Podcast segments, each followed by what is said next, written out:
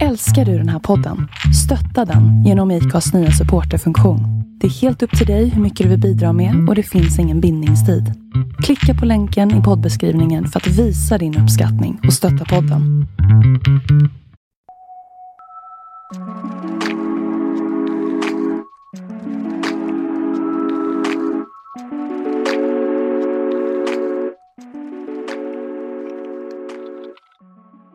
Här är ett avsnitt av Folkets Domstol University där jag och Viktor Isero kommer gå igenom ett verkligt fall och belysa några juridiska frågor. Och i det här avsnittet kommer det framförallt att handla om uppsåtsbegreppet. Om du inte förstår uppsåtsbegreppet innan du har lyssnat så hoppas jag verkligen att du kommer förstå det efteråt. Vad är det som döljer sig bakom uppsåtstyperna avsikt, insikt och likgiltighet? Nästa gång du läser i tidningen att någon har blivit frikänd på grund av bristande uppsåt så hoppas jag att du kan ha det här med dig.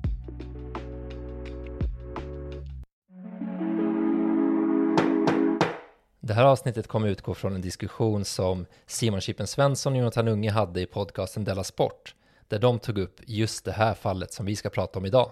Och den händelsen som de pratar om och vi också ska reda ut i det här avsnittet, den utspelade sig 2019 på Friends Arena i Solna.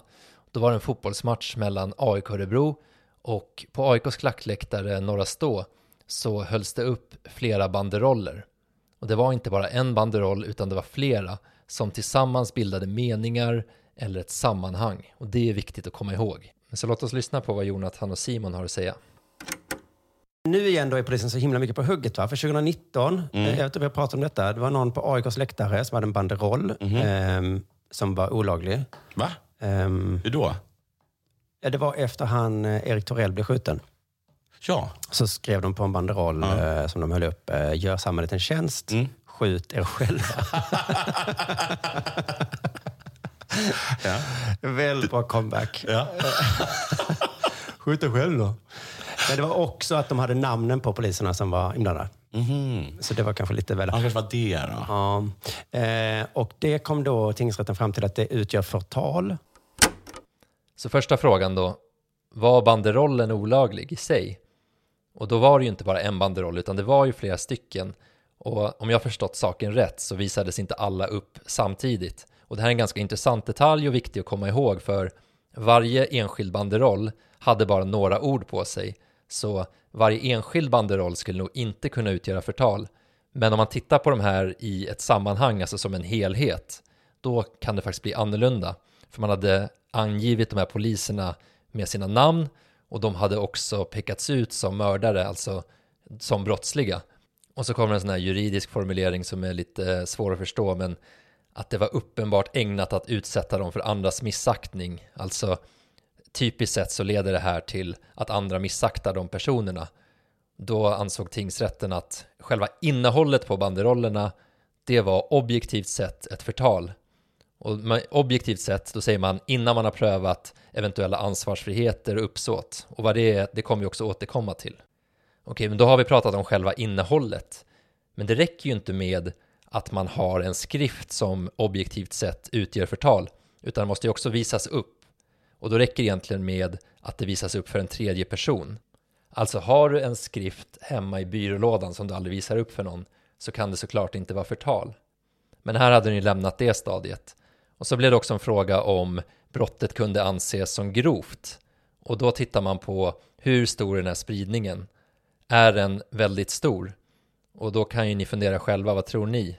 Man håller upp en banderoll på en allsvensk fotbollsmatch där det är tusentals personer, matcherna visas också på tv och det finns också väldigt många fotografer. Och de här fotograferna, de älskar ju att ta de här bilderna på de här stora läktararrangemangen, även om det är någonting som i det här fallet, någonting som visar sig vara brottsligt sen, så kommer ju spridningen ändå bli väldigt stor. Jag tycker att eh, ni ska gå in och googla på det här så att ni får en bild framför er på hur det här såg ut. För då blir det kanske lite enklare att hänga med i det här.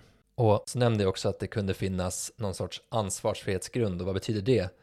Jo men det är om man är skyldig att lämna en uppgift, det är man ju absolut inte i det här fallet. Eller om det är försvarligt att lämna en uppgift och den har varit sann eller och man har trott att den har varit sann. Anledningen till att det finns en sån här möjlighet det är ju på grund av vår starka yttrandefrihet som vi har. Men i det här fallet ansåg man inte att det var försvarligt för de här poliserna, de var inga offentliga personer. Och även om de faktiskt hade varit inblandade i den här händelsen så var det inte försvarligt att lämna de här uppgifterna. Så 1. Innehållet utgjorde förtal. Gärningen utgjorde förtal.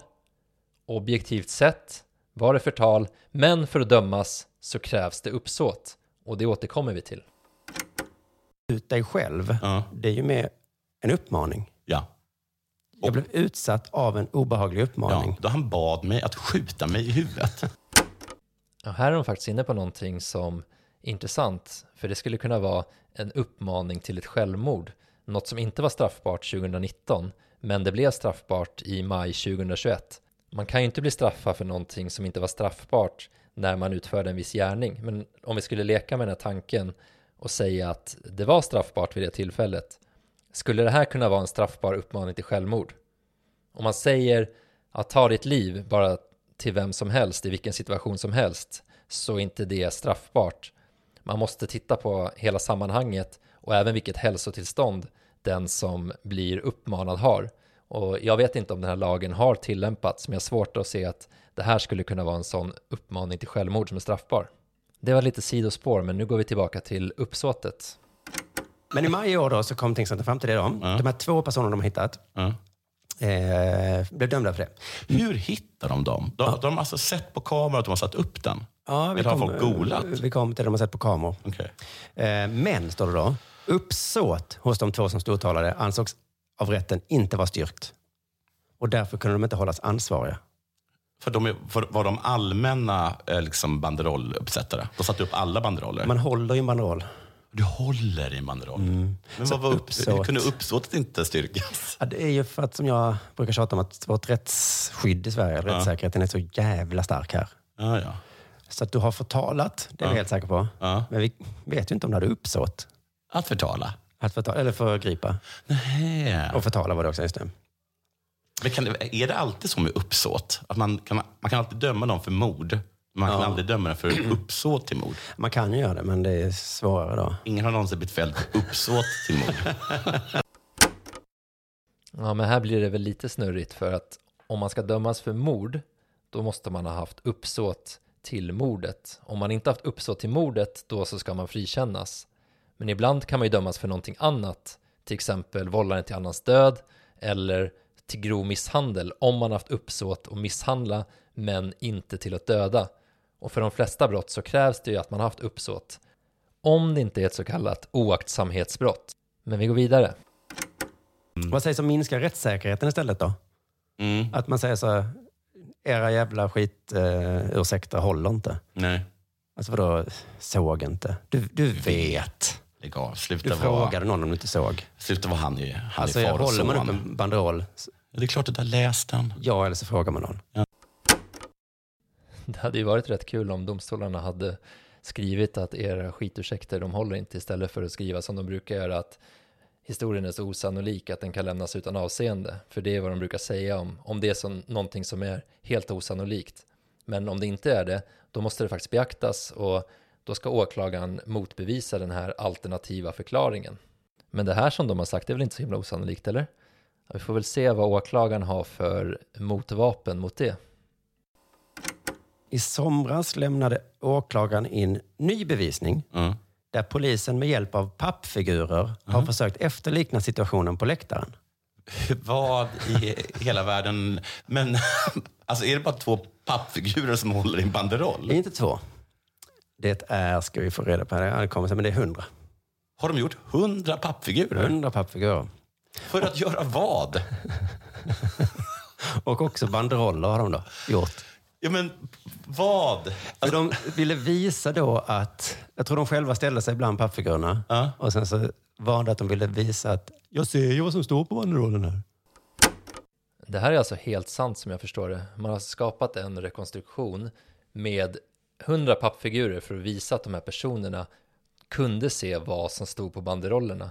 Så googla på polisen pappfigurer på Friends så får ni se själva. Det ser ganska kul ut. Det var alltså mycket resurser till förfogande i det här fallet. Vad tror ni? Tror ni att det här är någonting som är vanligt? I vart fall så hade åklagaren inte varit med om något liknande. Och frågan är om polisen hade lagt ner lika mycket resurser om det var andra än poliser som var de potentiella brottsoffren i det här fallet. Men de här två personerna som blev åtalade, det är inte bara de som har hållit upp banderollerna.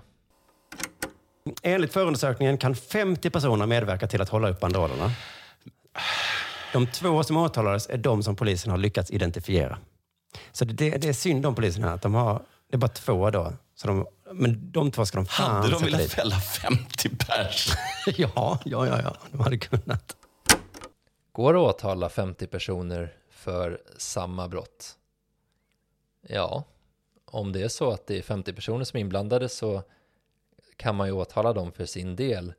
Men i det här fallet så har man ju valt att inte lägga de resurserna på själva utredningen. Det hade också krävts advokater till alla, flera rättegångssalar. Så i det fallet valde man att inte lägga så mycket resurser till skillnad från hur man har gjort nu med de här pappfigurerna. Okej, men nu ska vi äntligen reda ut vad som gäller med den här uppsåtsfrågan. Åklagaren berättar också något nytt för mig eh, som står i DN här, att det finns olika sorters uppsåt. Eh, Superduper uppsåt. Det finns olika typer av uppsåt, men min uppfattning är att man i varje fall har haft ett likgiltighetsuppsåt i det här fallet. Att man är totalt likgiltig. Och det, säger åklagaren, det är det värsta som finns. Nej, men det, Ni tror att hatuppsåt är det värsta. Nej, det är det inte. Det är likgiltighetsuppsåt. ja, just det, det är också mord. Likgiltighetsuppsåt innebär att man anser sig ha varit medveten om att det föreligger en risk för ens handlande får en viss följd.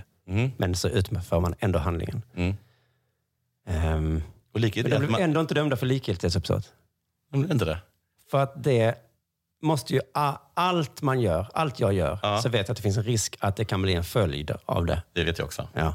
Alltså, jag tror till och med att enligt fysikens lag så blir det alltid en följd av något. Ja. Är det inte så?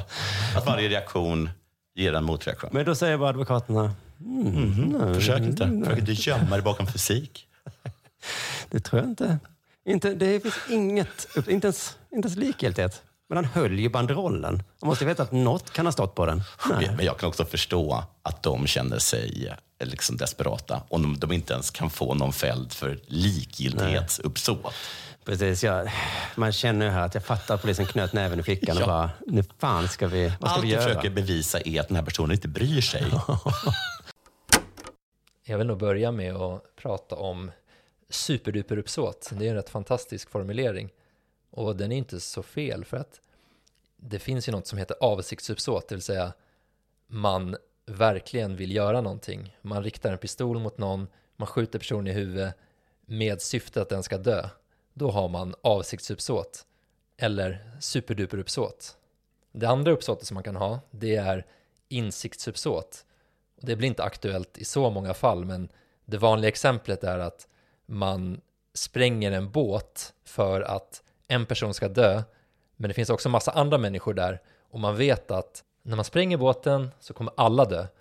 Då har man haft insiktsuppsåt. Alltså, man gör något men fattar att det leder till någonting annat uppsåt. Och den sista typen av uppsåt, det är ju där det ofta blir en lite förvirrad diskussion, det vill säga likgiltighetsuppsåtet.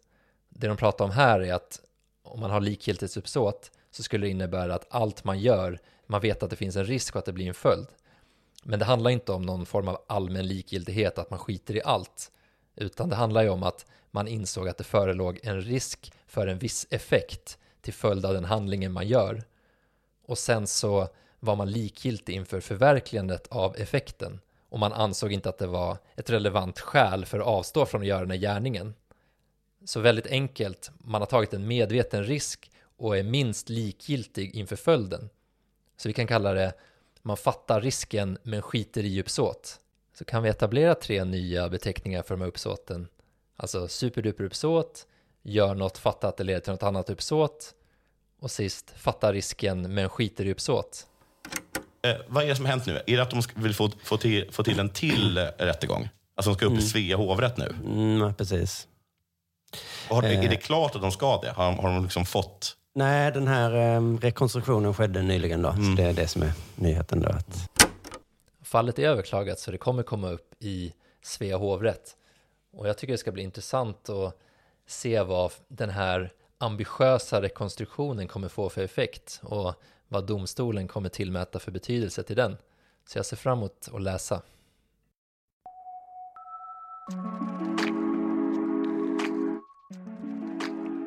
Första avsnittet av Folkets Domstol University. Om ni vill stötta det vi gör så får ni gärna gå in och prenumerera där ni lyssnar på poddar och även följa oss på Instagram.